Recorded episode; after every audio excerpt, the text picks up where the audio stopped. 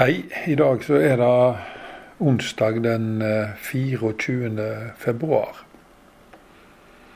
Bibelteksten i dag det er Salme 23, 23,2. Han lar meg ligge i grønne enger. Han fører meg til vann der jeg finner hvile. For en idyll. Du kan se det for deg der sauen ligger på en grønn bakke, og attmed så sildrer det en bekk med krystallklart vann som renner ut i en innsjø. Og mett og god er sauen, og når han blir tøst, så springer han bare ned til vannet eller til bekken og slurper i seg det deiligste og friskeste vannet før han går tilbake og legger seg igjen. Et fullstendig bekymringsløst liv. Hva er det Gud vil si oss gjennom denne teksten? Hva er poenget?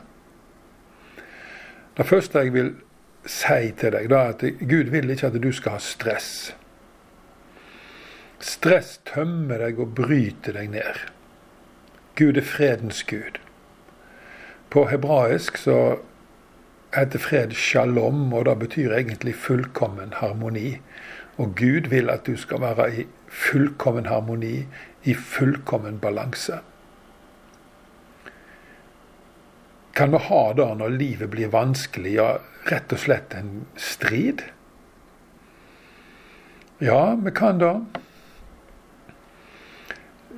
Gud sa til israelsfolket når egypterne forfulgte de og trengte innpå de bakfra, så sa Gud til dem dere skal være stille, og jeg skal stride for dere. Altså, de skulle være i harmoni med seg sjøl, og så skulle de bare se hva Gud gjorde for dem. Er ikke det fantastisk? Det er ikke noe annet Gud sier til deg og meg. Dere skal være stille, og jeg skal kjempe for dere. Og vi kunne lært av dette her og lagt ned våre bekymringer og alle våre, alle våre eh, stressa tanker. En annen plass sier han til israelittene at dette er ikke deres strid. Det er min. Jeg vil, jeg vil, si så tydelig som jeg kan å være kristen, det er å hvile i Gud. da. Gud har ikke kalt oss til å stresse, men til å hvile i Han. Jesus sier i Matteus 11, 28 at dere må komme til meg, alle dere som strever eller stresser og har tungt å bære. Hos meg skal dere få hvile. Hele hans fokus er på det at hans disipler og Guds barn skal hvile. Hvile tankene sine i Gud. Nett før sin lidelse og død sa Jesus til disiplene sine Fred etterlater jeg dere. Min fred gir jeg dere, ikke den fred som verden gir. Tenk på det, du. Du er Jesu disippel, og du har et løfte om at den freden som Jesus hadde i sitt hjerte og i sin tanke, den gir han til deg. Han har testamentert han til deg. Du tar hans hånd, og hans fred strømmer inn i sinnet ditt. Fantastisk løfte.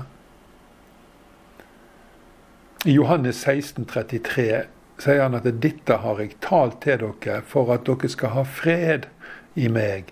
I verden har dere trengsel, men jeg har overvunnet verden. Og dette samsvarer jo med det som vi leste tidligere, at eh, dere skal være stille, og jeg skal kjempe for dere. Dette er ikke deres strid, men det er min. Jeg vet ikke hva slags situasjon du er oppe i nå, og hva som plager sinnet ditt. Men du er invitert til å komme til Jesus med det, og bare fortelle han det alt sammen sånn som det er. Så vil du, om du tar deg litt tid sammen med han, oppleve at han løfter byrdene av deg. Så gir han deg en ny tru, og så gir han deg fred grønne enger, du. Sauer eter gras. Guds ord er din mat. Jesus sa til djevel da han ble frista i, øyemarka eh, Menneskene lever ikke av brød alene, men av hvert ord som går ut fra Guds munn. Bibelordet er mat for deg. Du må ikke hoppe over måltida.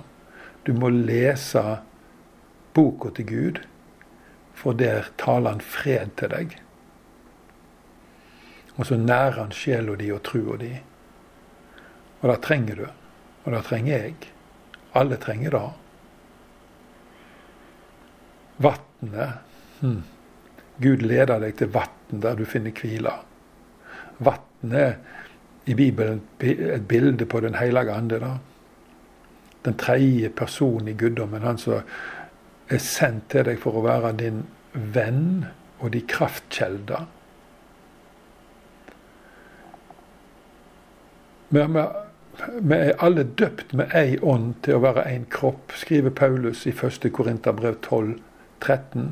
Og så sier han videre og vi har alle fått ei ånd å drikke. Alle kristne er døypt med Den hellige ande. Men det er slett ikke alle kristne som slurper i seg like grådig av Den hellige ande, eh, ande som, som, andre gjør. Paulus skriver i Efeserbrevet kapittel 5 at dere må bli fylt med Den hellige ande. Slik at dere taler til hverandre med salmer og sanger og åndelige viser. Du vet at det, åndsfylden i en menighet avslører seg på vitnemøtene. Der ser vi hvor mange det er som drikker av Den hellige ande i sitt daglige liv. Du får ikke Den hellige ande intravenøst. Du må drikke. Ja, hvordan drikker jeg, spør du. Du leser din bibel. For dette bibelordet er inspirert av Gud, det er innblåst av Gud. Og det ordet som blir brukt om Guds pust, det er det samme som blir brukt om Hans ånd. Og så må du høre på forkynnelse. I apostelgjerningene 10 så leser vi om Kornelius og familien hans og gjengen hans, eh, vennene hans, at eh, eh, medan Peter talte, ble de alle fylte med Den hellige ande. Altså De satt og hørte Guds ord, og så kom anden og fylte de, og så begynte de å tale i tunge og lovsynge Gud, og de talte profetiske ord. Det å være sammen og få, og lytte til forkynnelse er en åndelig opplevelse. Du kan be. Eh, Jesus sier at Gud vil aldri spare på Den hellige ande til den som ber han om, om han. Jeg sier han om Den hellige ande, for han er jo den tredje personen i guddommen. Og så skal du gå fram til forbønn så ofte som du får en sjanse. For når noen andre som er fullt av Den hellige ande, legger hendene på deg og ber for deg, så er det stor sjanse for at du også blir det. Vi har mange eksempel på det i Bibelen. Apostelgjerningene 8 og apostelgjerningene 19 og sikkert noen flere plasser.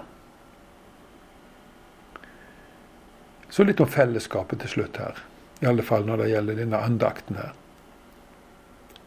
En sau ligger jo aldri aleine i ei grønneng. Jeg vet ikke om du har sett en enslig sau som ligger aleine i ei grønneng, men gjør, de gjør jo ikke det, for dette sauer er flokkdyr. Og det er vi òg. Vi er menighetsfolk. Alle som tror på Jesus, føler seg dradd mot andre som tror på Jesus, slik som sauene føler seg dradd mot hverandre. De hører sammen. Utpå, utenfor huset mitt her så har jeg ei beiteeng. Og der går det av og til hester, og så går det sauer. Hestene de søker sammen med hverandre, og sauene sammen med hverandre.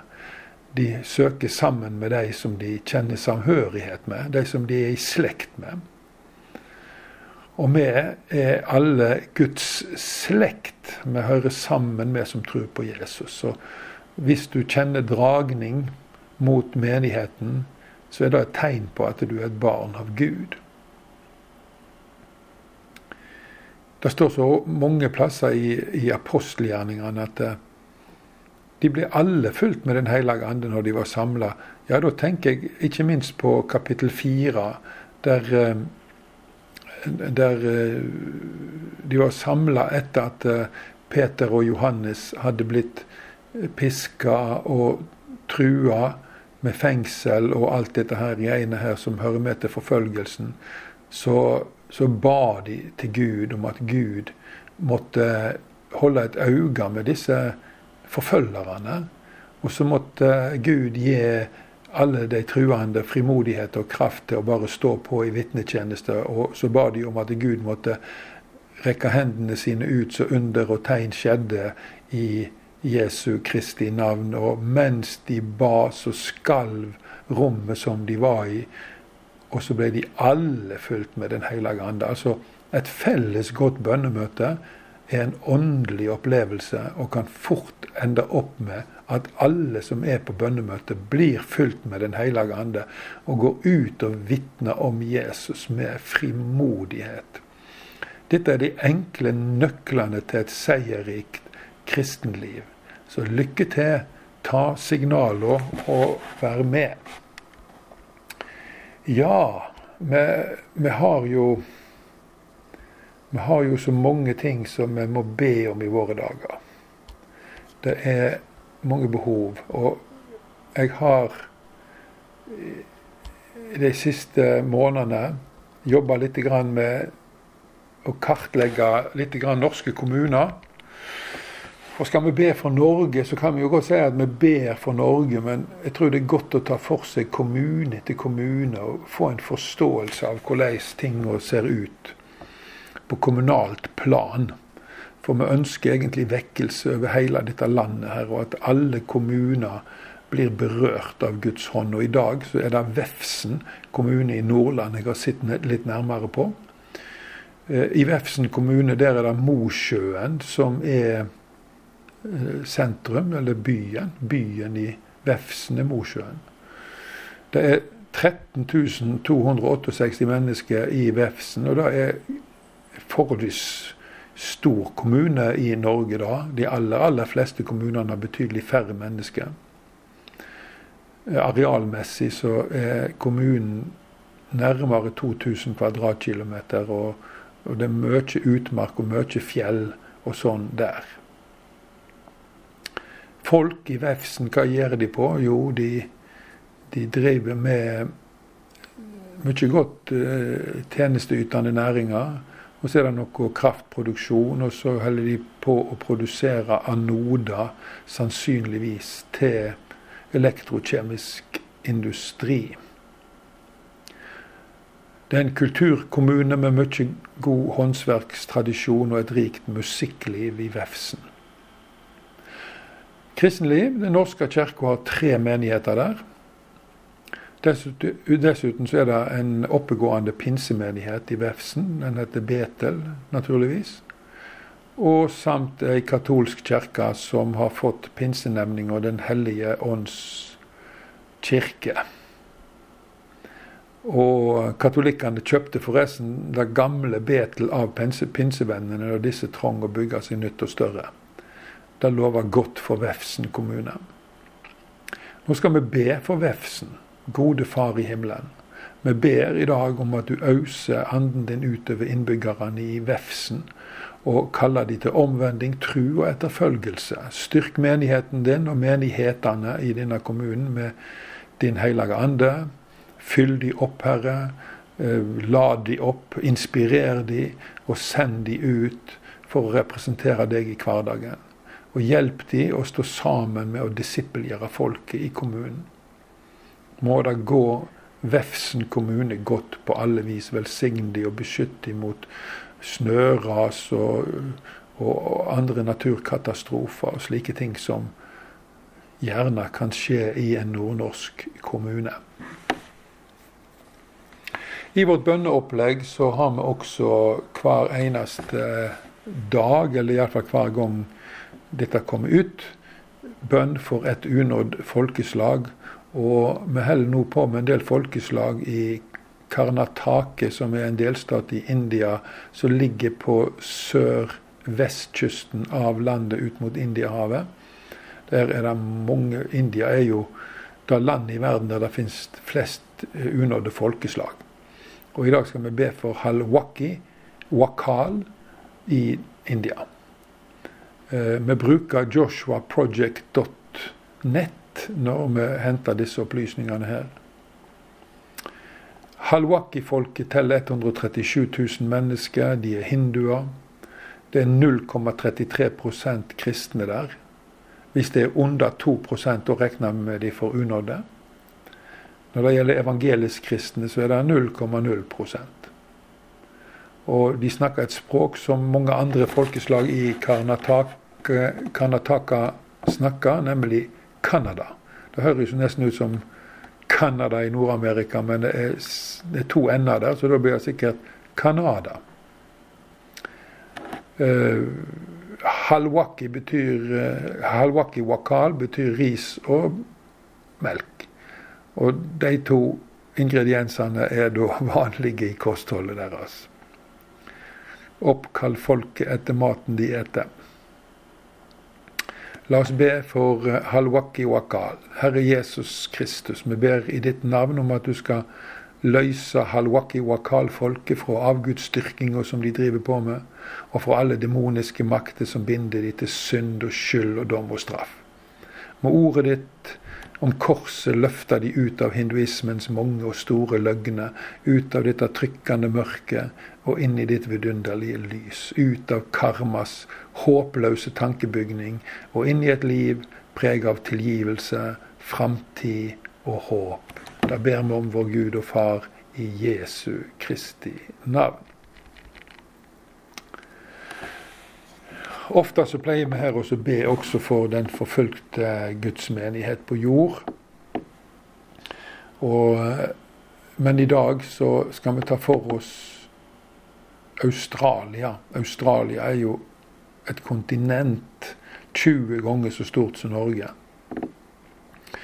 Men eh, når det gjelder folketallet, så er det fem ganger så masse. 25 millioner 500 000 omtrent. Eh, Australia strekker seg jo fra tropene og ned til mer tempererte strøk, som denne øya Tasmania, som ligger helt i sør, sør for Canberra, som er hovedstaden der.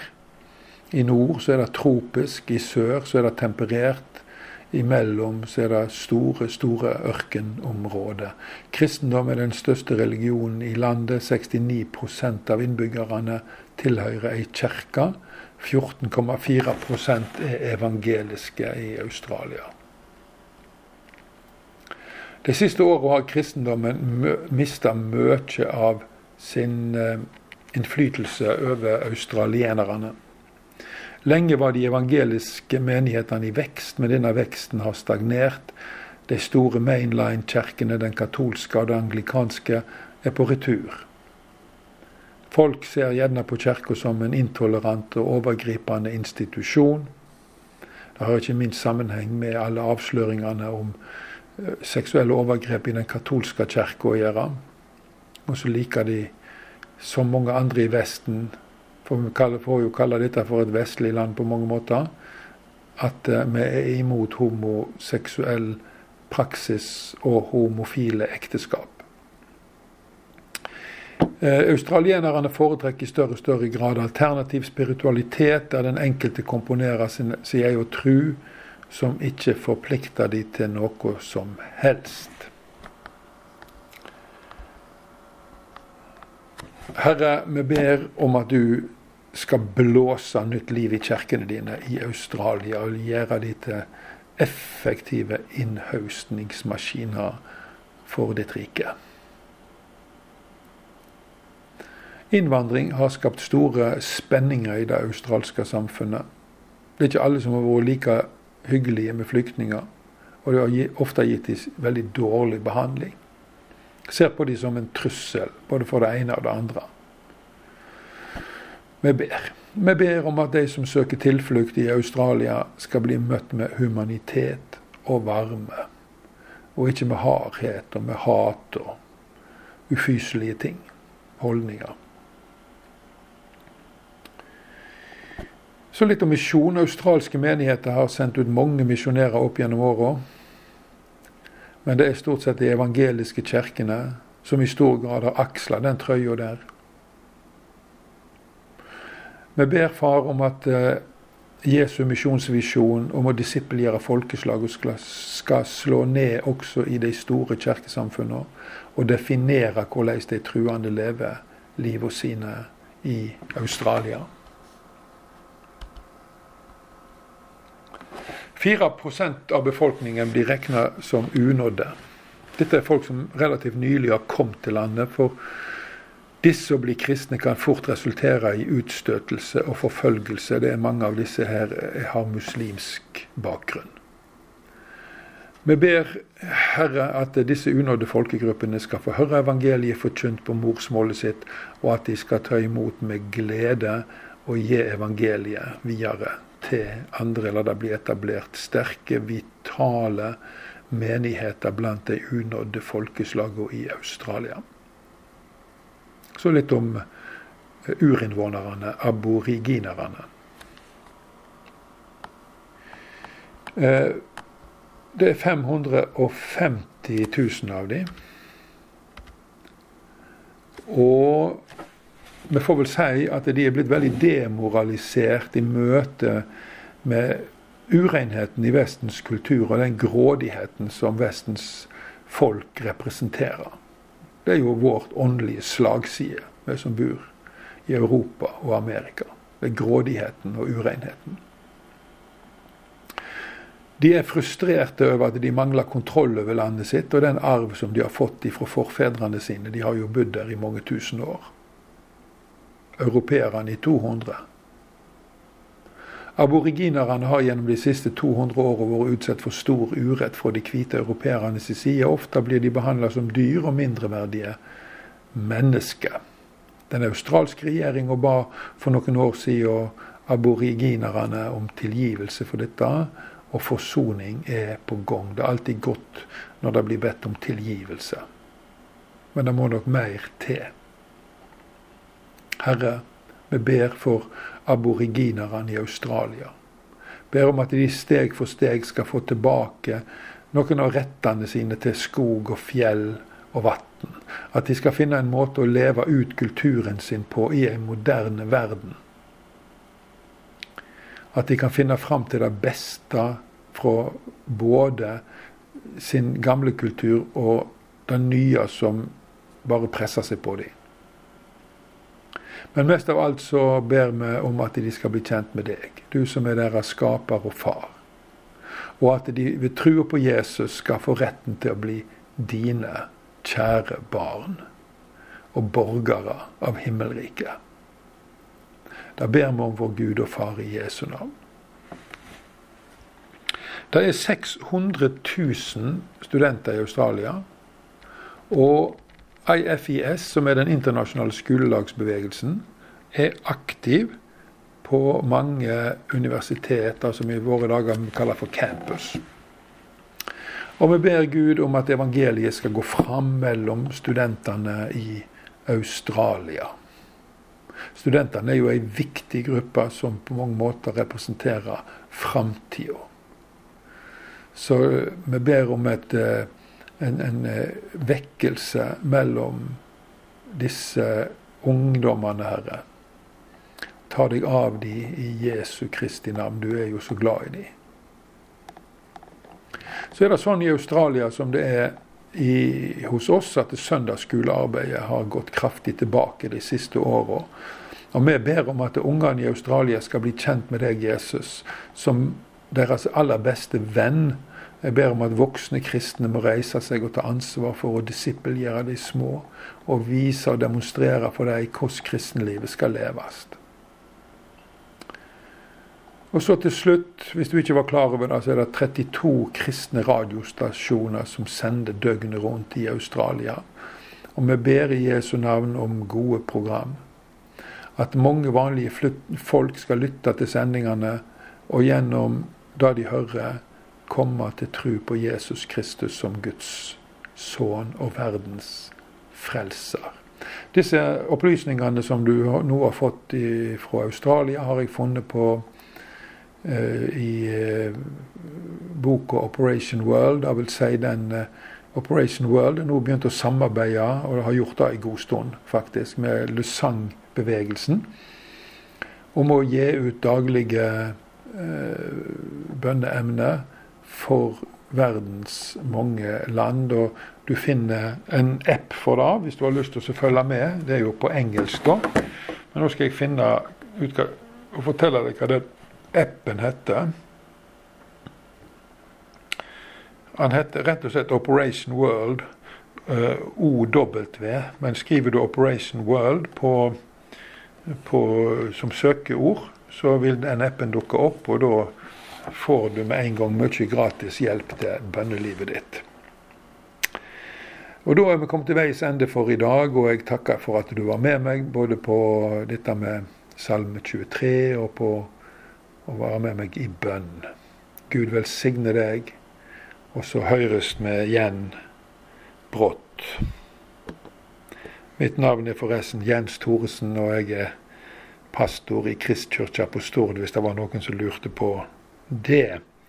Og du kan nå meg på telefon 47 41 58 64, eller på e-post pastorkrøllalfa kristkirka.no. Ha en fin ettermiddag.